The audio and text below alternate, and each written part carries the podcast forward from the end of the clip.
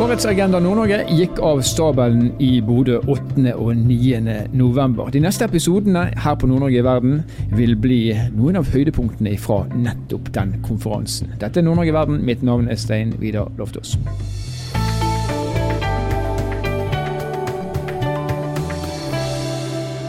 Det er mer enn 30 år siden eh, Sovjetunionen ble oppløst, og det er mer enn 30 år siden Berlinmuren falt. Og man kan kanskje si at det er mer enn 30 år siden vi slutta å tenke at det skulle bli krig og utrygghet i Europa igjen. Men nå er vi i 2023, og vi står egentlig midt oppi det vi hadde håpet og trodd at vi skulle ja, kunne sette en strek over en gang for alle.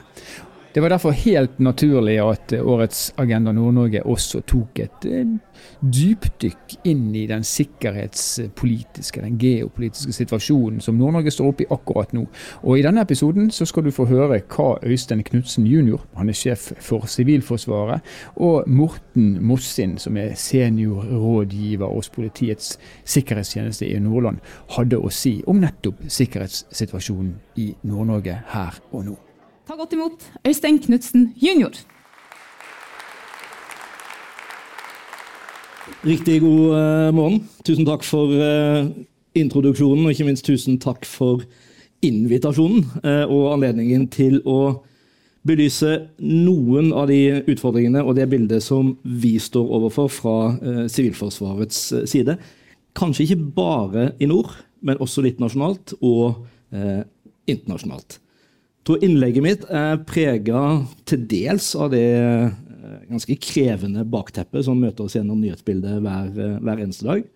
Og ikke minst også etter å ha tilbrakt tid sammen med mine ukrainske eh, kollegaer. Norge har et uniformert statlig sivilforsvar som kan trekke sine linjer helt tilbake til før andre verdenskrig. Primæroppdraget vårt har alltid vært å beskytte sivilbefolkningen i eh, krig. Og vi bærer det internasjonale sivilforsvarsmerket, den blå trekanten på oransje eh, bunn. Den har samme forankring og beskyttelse i Genévekonvensjonen som det det Røde Korset og Den røde halvmåne har, som dere sikkert kjenner mye bedre. Og så skulle jeg ønske i 2023 at siviles rett til eh, beskyttelse i væpna konflikt og krig eh, ble tatt som en selvfølge. Men jeg tror ikke du skal se mye på nyheter, om det er fra Russlands krigføring i Ukraina, eller om det er det som nå skjer i Midtøsten, til å måtte erkjenne eh, at vi får kraftfulle påminnere så å si hver eneste dag om at det som i utgangspunktet er et sånn kategorisk imperativ i Genévekonvensjonen, sivile skal beskyttes, Eh, det er ikke bare det at det blir utfordra, men det blir i realiteten bevisst ignorert. Det har, og det må ha, konsekvenser også for hvordan vi forbereder oss på kriser her hjemme. Også på kriser som vi håper aldri vil eh, inntreffe på, på norsk jord. Eh, I fredstid er det sånn at vi forsterker andre myndigheter ved håndtering av hendelser, små og eh, store. Norge har som ett et av kanskje ikke så veldig mange land opprettholdt både militær verneplikt og tjenesteplikt eh, i Sivilforsvaret. Det er 8000 kvinner og menn i alderen 18 til 55 som til enhver tid avtjener sin tjenesteplikt i Sivilforsvaret. Og veien inn til oss den er den samme som for Forsvaret, via sesjon. Og det er de samme kravene for å tjenestegjøre i Sivilforsvaret som det også er i, i Forsvaret. Jeg tror det er riktig å si at uh, de siste 30 årene så har nok Sivilforsvaret for alle praktiske formål vært innretta, utrusta, satt opp og finansiert for å løse oppdrag i fred. Det er lenge siden vi snakket om krig i Norge. Og det er lenge siden vi har snakket om reell sivil eh, beredskapsplanlegging for, eh, for, krig. Det er det vippepunktet vi står i. Dette må vi gjøre noe med, og dette gjør vi eh, no, noe med. Men for å dvele litt da, ved det vi gjør i fredstid eh, og Jeg tror ikke det er alle i salen eller de som følger oss på nettet, som vet alt om Sivilforsvaret. Så er det sånn at vi løser oppdrag i fredstid hele tiden. Det er et oppdrag jeg tror vi løser på en ganske eh, god måte, både her hjemme og internasjonalt. De som kommer inn til oss som tjenestepliktige, de gjennomgår eh, grunnkurs hos oss, og deretter så blir de fordelt ut i det som er vår innsatsstyrke. Den er vel den dere ser på TV når det drar seg til med ekstremvær og annet. Det er de med de blå jakkene, oransje luene og hjelmene som, som trår til når vi må. De er fordelt på i dag ca. 280 pluss lokale innsatsavdelinger med lagre rundt i 136 er det vel nå, av landets eh, kommuner. Like avdelinger i utgangspunktet. Vi har regionale forsterkningsavdelinger. De har mye tyngre utstyr. Telt, lys og varme store strømaggregat, som er en viktig del av, av eh, beredskapen i Norge. Vi har også donert store mengder materiell, særlig av dette tunge eh, generatormateriellet, til Ukraina. Og det mener jeg er en helt riktig eh, prioritering til et land i Europa som er i krig. Det betyr at vi tar noe ned på beredskapen i Norge for å forsterke oss selv, men vi bistår et land i Europa som er i krig, og som har behov for de ressursene. Vi har også avdelinger som er spesielt satt opp for å gå i innsats ved kjemiske, biologiske, radiologiske og nukleære eh, hendelser, eh, og som har materiell for det. Og så har vi i tillegg eh, kapasiteter som vi sender ut i internasjonal innsats. Eh, personellet vårt som reiser ut, det er ikke tjenestepliktige. De går på kontrakt Eh, og tegner kontrakt for oppdragets eh, varighet når de er ute og gjør en jobb på oppdrag fra det være seg FN eller land som ber om dette via f.eks. EUs krisehåndteringssystem. Og Så til dette vippepunktet, da, som er tema for konferansen. Det utfordringsbildet som vi står overfor, som er sammensatt, krevende og komplekst, nå er jo det altså, behørig beskrevet av to kommisjoner. Både Forsvarskommisjonen og Totalberedskapskommisjonen. Eh, vi ligger der vi ligger. I nord. 2,2 millioner kvadratkilometer jurisdiksjonsområde. Det er Norge. Fastlands-Norge med Svalbard er sånn 340 000 kvadratkilometer. Det er mye hav, altså. Eh, det er fryktelig mye hav eh, vi har ansvaret for. Vi har et søk- og redningsområde som bokstavelig talt strekker seg helt til Nordpolen. Og så har vi de naboene vi har. Et Russland som ikke bare har gått til angrepskrig mot en selvstendig stat i Europa, men som, for å sitere Forsvarskommisjonen, uansett hvordan vi snur og vender på dette, og utviklingen videre, utgjør en vedvarende trussel mot norske sikkerhetsinteresser, ikke minst i nord. Det er ikke så veldig mange måneder siden eh, statsminister Støre, som var her i går, uttalte at trusselen fra Russland må være dimensjonerende for Forsvaret i Norge. Og det har også konsekvenser for sivil side. Det har konsekvenser for hvordan vi dimensjonerer oss i den sivile delen av totalforsvaret og i Sivilforsvaret. Jeg skal gi dere et veldig konkret eksempel. Det fordrer tett samarbeid mellom sivile myndigheter og Forsvaret, privat næringsliv og det offentlige, eh, og Sivilforsvarets plass i dette. Og nå er det sånn at Fordi vi også selvfølgelig eh, må eh, drive suverenitetshevdelse i nord i, i, i samarbeid med, med nære allierte, så har vi eksempelvis økende anløp av reaktordrevne allierte fartøy her fra Grøtsund havn i Tromsø. Og da er Det sånn at det er Forsvaret som tar hånd om CBRN-beredskapen knyttet til at dette er et reaktordrevet fartøy i havna, som da blir et militært område. Og så er det Sivilforsvaret som, fordi vi har de kapasitetene vi har, bidrar til å beskytte sivilbefolkningen i området rundt. Et tett og godt samarbeid med Forsvaret, men med veldig klar respekt for at vi har ulike roller og ansvar. Vår jobb er å beskytte sivilbefolkningen og å forsterke de sivile myndighetenes eh, arbeid rundt, rundt disse fartøyene. Det er også et Russland som veldig kort fra vår grense, vår felles grense i nord, har lagre og deponier av avfall Eh, det er eh, miljøgifter, det er radioaktivt avfall, reaktoravfall, og det er rester fra tidligere prøvesprengninger, bl.a. på Novaja Semla. Det bildet har noen veldig klare beredskapsutfordringer for oss hvis det skulle gå galt der oppe. Norske myndigheter har bistått Russland i veldig mange år med å sikre disse deponiene. Men skulle det skje noe, så er det helt åpenbart at dette er noe vi også må ta hensyn til i vår tilnærming til å bygge beredskap. Og så står vi jo ikke bare overfor folkens, endringer i klimaet, vi står sannsynligvis også midt oppi dem. Det blir våtere, villere og varmere. Og hvis dere ser på innsatsstatistikken vår, så går den bare én vei. Vi har naturhendelser i økende antall, i økende omfang og med økende varighet. Og nå får vi dem på nye steder, og vi får dem på helt andre tider av året enn det vi har vært vant til. Det er som skogbrann i januar. Litt sånn uhørt for noen år tilbake. Nå står vi midt i det, og vi har det hele tiden.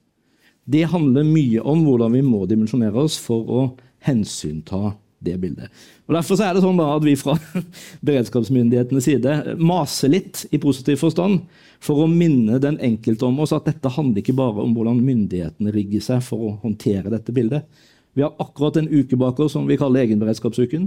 Vi forsøker nå etter beste evne å minne den enkelte innbygger på at ta nå litt høyde for da, at ting kan bli borte, det være seg strøm eller annet. Eh, og sørg for å ha basis hjemme, så du i hvert fall klarer deg i noe tid. 72 timer er det vi sier.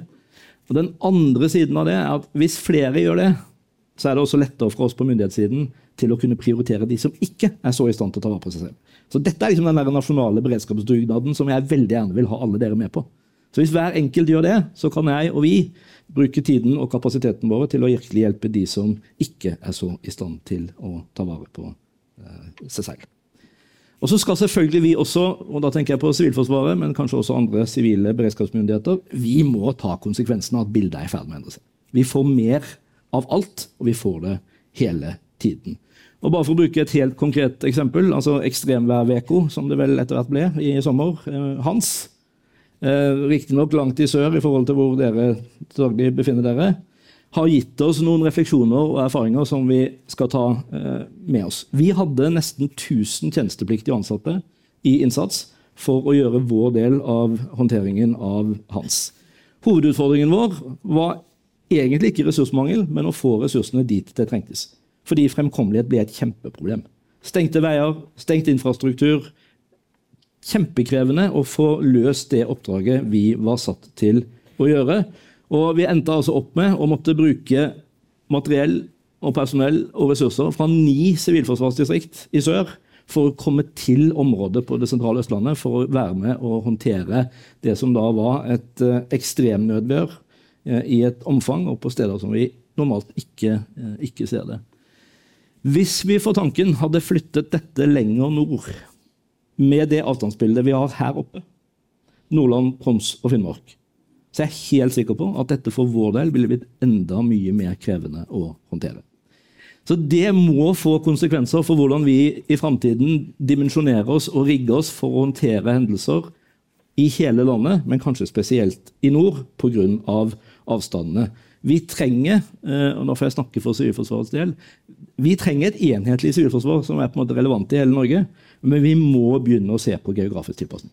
Vi må begynne å se på om er det utstyr og materiell eller plasseringer vi bør tenke på som vi ikke har tenkt på så langt, som er eh, dønn relevant gitt det bildet vi nå står oppi.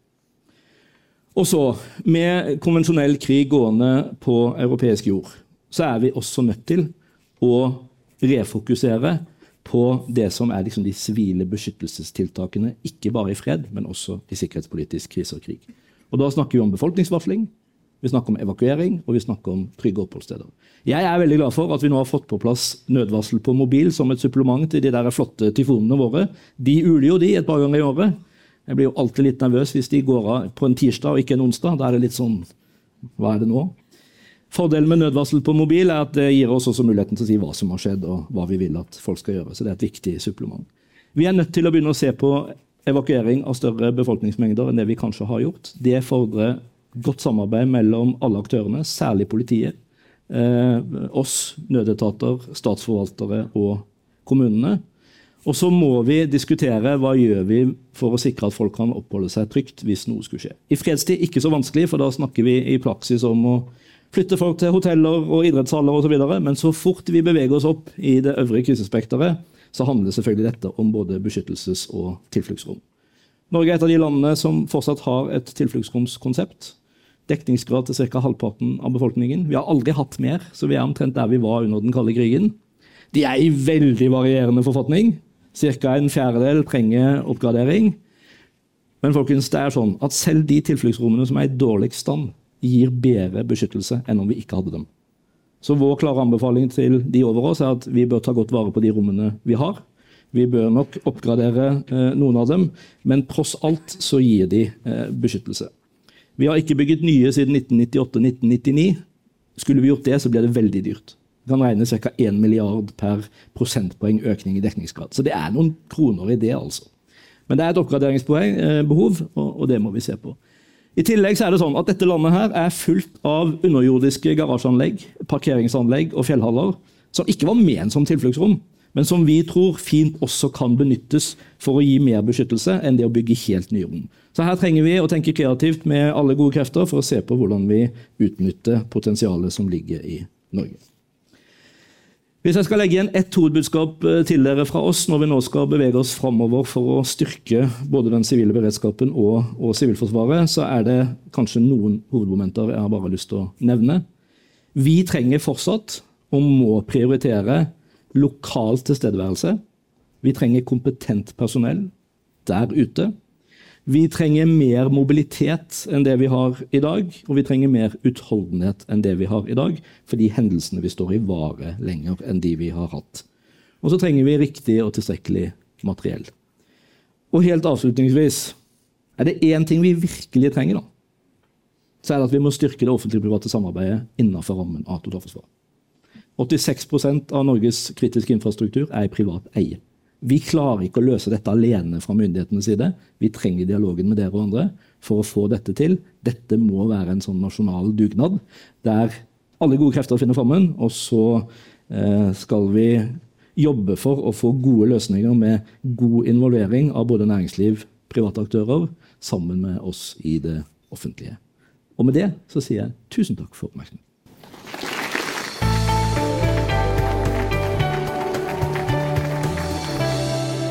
Neste etat ut er PST.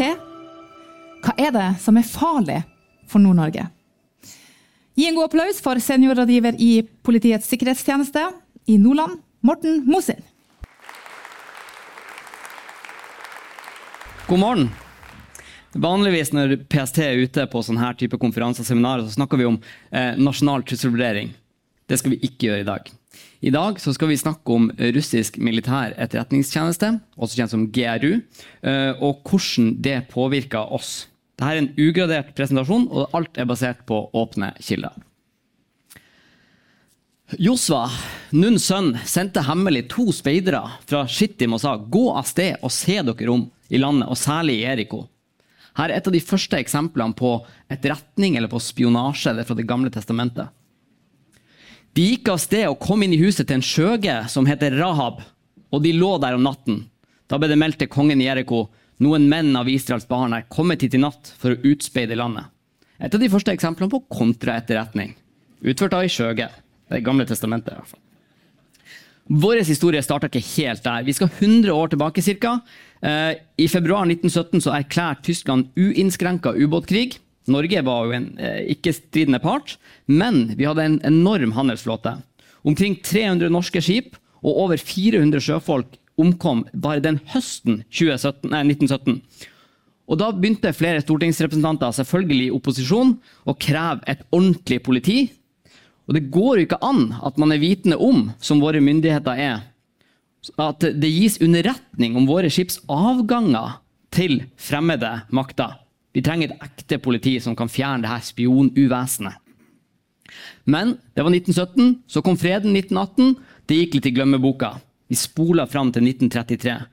Det begynner å komme mørke fly fra øst over Finnmark, Troms og Nordland. Ingen som vet hva det er. Forsvaret setter opp en eh, radiopeilingsstasjon i Finnmark, og man avdekker da at de får navigeringsbistand fra Sovjetunionen. I tillegg så ser man en eh, russisk eh, eller sovjetisk ubåt utenfor Narvik. og litt senere så blir en sovjetisk spion faktisk arrestert i Nordland og innrømmer de faktiske forholdene. Dette får stor oppmerksomhet i Nazi-Tyskland pga. at de var bekymra for tilgangen til råmaterialet. Hvis dere kjenner til Herman Göring, som da var sjef for Luftwaffe, så var han også eh, høykommissær for råmaterialet. Så han var opptatt av at jernmalmen som kom fra Elkab fra Sverige over til Narvik, skulle være sikra. Plutselig så begynte det å komme en mengde tyske turister, fiskere, malminspektører til Nord-Norge. Det var under dekket, selvfølgelig. De kartla og spionerte i Nord-Norge fra 33 fram til krigsutbruddet her. Og En av de, han het Carl Müller. Han satt i Narvik og rapporterte om de forsvarsforholdene som lå der, og rapporterte om båtavganger til allierte makter. Han rapporterte til den tyske legasjonen i Stockholm, til han Fritz Wussow, som dere kanskje har sett i den nyeste Narvik-filmen. Eh, og Det som eh, foregikk da, det var at han, Carl Müller sendte beskjed til Wussow, Wussow sendte beskjed til militæret i eh, Tyskland. og Bl.a. det svenske malmbåten Pajala og den engelske malmbåten Depford ble senka av tyske ubåter pga. rapporteringa som Carl Müller gjorde i Narvik. Konsekvenser. Under andre verdenskrig så begynte man å få en større forståelse for det her med snakk, at man måtte være forsiktig. Her er en amerikansk krigsplakat. 'Loose lips might sink ships'. En sånn klassisk amerikansk. Britene er litt bedre. 'You forget, but she remembers'. Husk det. Husk det. Spesielt til menn. Og så tyskerne, da. Kjendis, Svetsa. De er litt tydeligere, litt tøffere. Og jeg vil si den beste plakaten, men min mening. Så, i Finnmark, er det en som heter Selmer Nilsen. Dere har garantert hørt om han, sett om han på NRK. Han eh, ble tidlig rekruttert av GRU, altså russisk militær etterretning, og bruker i, i over 19 år si tid på å kartlegge hele norsk forsvarsevne fra Finnmark gjennom Troms til Nordland. Kartla de store Nato-basene som eh, Andøya flystasjon, Bodø flystasjon, Ramsund logstasjon osv. Det var ingenting han ikke klarte. Han brukte bl.a. et hotellrom på Norrøna for å holde nachspiels, for å få ut informasjon fra de han festa med. Det var Nato-personell, ja, men det var også teknikere, elektrikere, vanlige folk som han visste hadde tilgang til sensitiv informasjon. Naborommet her så sto det en radiopeiler. Så når nachspielet var ferdig, så gikk han fra det ene rommet til det andre rommet og rapporterte om det han hørte til Sovjet. I tillegg så var han på Piccadilly pub. Noen som har vært der? Den eksisterer fortsatt. Hvis dere har vært der, så har dere kanskje lagt merke til den ene sofagruppa med en egen knapp på veggen. Her pleide han å ta med gjester også. Da satt han på Piccadilly pub, skjenka folk. Eh, hadde egen knapp til betjeninga for å få spritservering til bordet, sånn at han slapp å forlate folkene han satt med sånn at de ikke skulle snakke og tyske om han. Gjennom denne aktiviteten så kartla han enorme deler som sagt, av kapasitetene og kapabilitetene i Nord-Norge. Eh, her er eh, noe av eh, flypersonellet i 36-skvadronen her i Bodø i den tida Selmer Nilsen befant seg her. Og Nato-personell, piloter og ikke minst jagerflypiloter var noen av de mest ettertrakta målene som Selmer Nilsen hadde å komme i kontakt med. Og Hvis dere drar kjensel på den perfekte flygekroppen og de litt høye vikene på Herman i midten, så er det for at dette er min bestefar. Og det er, for, det er et eksempel med dette, at vi er så få i denne landsdelen at alle kjenner alle. Så vi må være obs på det. Denne sliden her fikk jeg avgradert til dere i går. Eh, jeg syns den er så bra. Det er en årsrapport, eller årsberetning fra POT, altså gamle PST, fra 1999. Eh, de gir ut en årsrapport hvert år. Russlands sikkerhetspolitiske ambisjoner preges av holdninger forankra i den kalde krigen, hvor militærmakt fremstår som avgjørende i seg sjøl. Landet har også i 1999 revidert sin etterretningslovgivning, og med det sikra høy prioritet med hensyn til etterretningsvirksomhet i utlandet. GRU, altså russisk militær etterretning, har et enhetlig etterretningssystem som benytter alle tilgjengelige midler og metoder i sin virksomhet, både for russisk territorium, territorium og utenfor landets grenser. Og Det er for øvrig lite som tyder på noe omfattende endring i russisk sikkerhetspolitikk. Her var 99. Eventuelle strategiske forandringer på dette området vil sannsynligvis ikke finne sted før etter presidentvalget den 26. mars 2000. Hvem vant det valget, folkens? Putin. Ble det noen endringer? Andre tsjetsjenske krigen, Georgia 2008, Ukraina i 2014, Ukraina i 2022. Det vi ser nå. Hvorfor mista vi fokus? Hva som skjedde året etter 2000?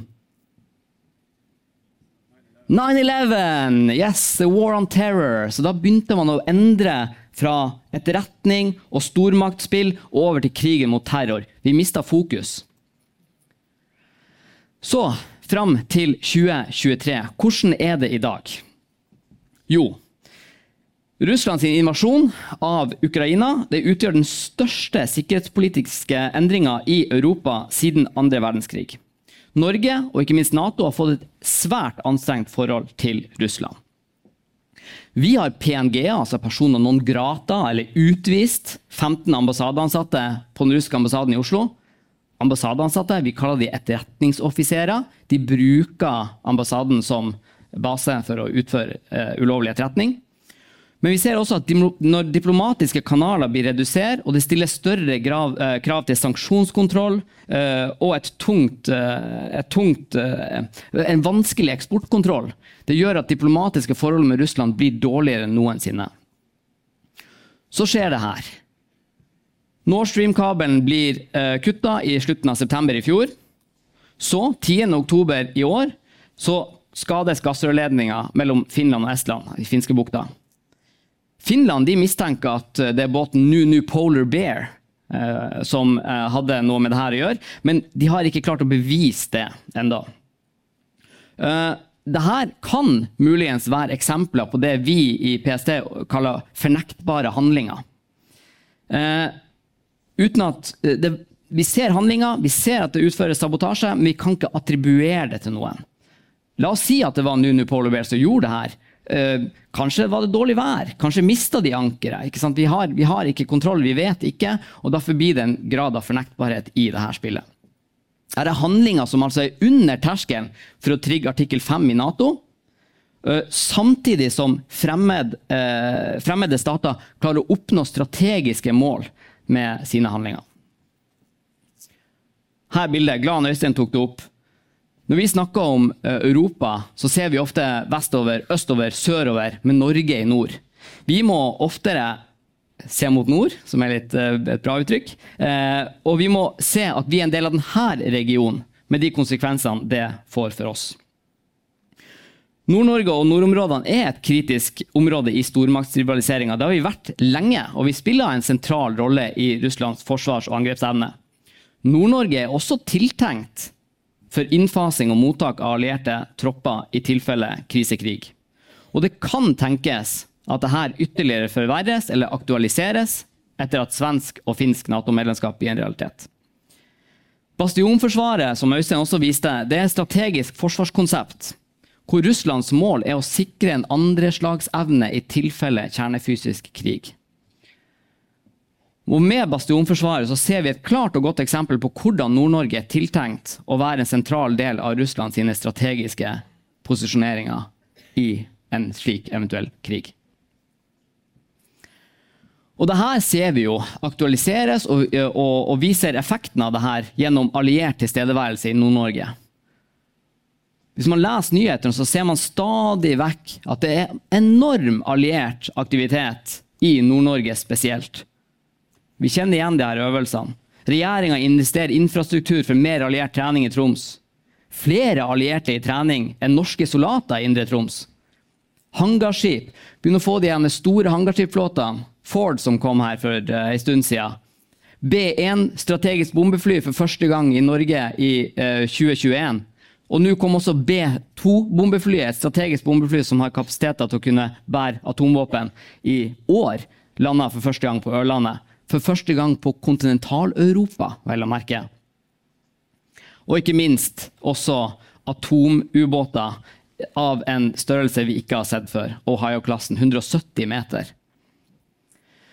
Og det vi ser, det er at land som tidligere har vært en del av Sovjetunionen, eh, de er mer åpne i sine trusselvurderinger enn det kanskje vi er. Her er et eksempel fra estisk eh, etterretningstjeneste sin åpne trusselvurdering, som er ganske lik det vi har, altså etterretningstjenesten sitt fokus, hvis dere har sett den. Eh, her redegjør de for GRU, altså russisk militær etterretningstjeneste, sine hovedsenter i denne delen av Europa. Og så ser man omfanget av et sånn type senter ut fra Kaliningrad. Så kan vi også se at det er et her oppe i Nordkalotten, ifølge estisk eh, tjeneste. Og det er viktig å presisere at uh, dette er Estland sin åpne rapport, og at denne informasjonen ikke er bekrefta eller verifisert av oss. Når det kommer til etterretningstrusselen, så ser vi økt innsats og risikovillighet blant de russiske tjenestene. Vi ser at forsvars- og energisektoren er spesielt ettertrakta pga. donasjonsprogrammet, militær støtte til Ukraina og ikke minst den europeiske energiavhengigheten vi ser. Og Nord-Norge er en forsvarstung region med nærhet til Russland, og det gjør oss særlig utsatt. Og det er viktig å presisere at dette gjelder hele det sivile samfunnet i landsdelen vår, ikke kun forsvarsdelen. Nød- og beredskapsaktører, industri og næring, offentlig forvaltning så vel som forsvarssektoren. Utenlandske etterretningsoffiserer vil forsøke å rekruttere kilder med tilgang til sensitiv og gradert informasjon. De vil gjøre det gjennom fordekt innhenting, f.eks. bruk av insidere og andre agenter, de vil gjøre det gjennom kultivering av unge mennesker i et veldig langsiktig spor. Det har vi sett. Og ikke minst så vil de gjøre det på konferanser og seminarer, slik som akkurat denne. Og det hadde ikke vært overraskende hadde det vært fremmed etterretningstjeneste til stede her i dag. Utfordringa. GRU som militær etterretningstjeneste de har ikke kun militære mål. De kan også ha sivil eh, sektor som mål, eller politiske prosesser, forskning og utvikling osv. Og vi ser at Russland viser evne og vilje til å påvirke politiske prosesser i vestlige land. Vi må forvente, at russiske, eh, at, uh, vi må forvente russiske forsøk på å splitte vestlig samhold rundt støtten til Ukraina. Og ikke minst tiltak og sanksjoner mot Russland. Den spente sikkerhetspolitiske situasjonen kan utvikle seg negativt, og ny teknologi er svært krevende, og spesielt kunstig intelligens. Og GRU som militær etterretningstjeneste de har ikke kun militære mål, som sagt. For så er det ikke så lenge siden vi i PST pågrep det vi omtaler som en russisk illegalist ved Universitetet i Troms. Vi mener at han hadde tilknytning til GRU. Så for å oppsummere. Russland skaffa seg varer og teknologi i Norge som kan bidra til bygging av russisk kapasitet. Dere som ledere av landsdelen og framtidige ledere av landsdelen må være bevisst på hvilke verdier dere har, og gjøre forebyggende tiltak for å verne om de verdiene. Vi ser at etterretningstrusselen mot Nord-Norge er alvorlig, den er betydelig, og vi ser ikke at den er i ferd med å forsvinne i nærmeste fremtid. Så hvis dere ser noe, hvis dere hører noe, hvis dere uh, oppdager noe mistenkelig, si ifra. Tips oss, enten via Tipsportalen eller uh, ordinært politi, så kanaliserer de videre til oss. Takk for oppmerksomheten. Nord-Norge i verden er en podkastserie som er produsert av eh, Sparebank1 Nord-Norge i samarbeid med Helt Digital. Musikken du har hørt er laga av Emil Karlsen, og selv om jeg har hatt en ganske enkel jobb i hvert fall eh, på disse Agenda Nord-Norge-episodene, så er fortsatt navnet mitt eh, Stein Vidar Loftaas, og jeg kommer til å være her også i neste episode.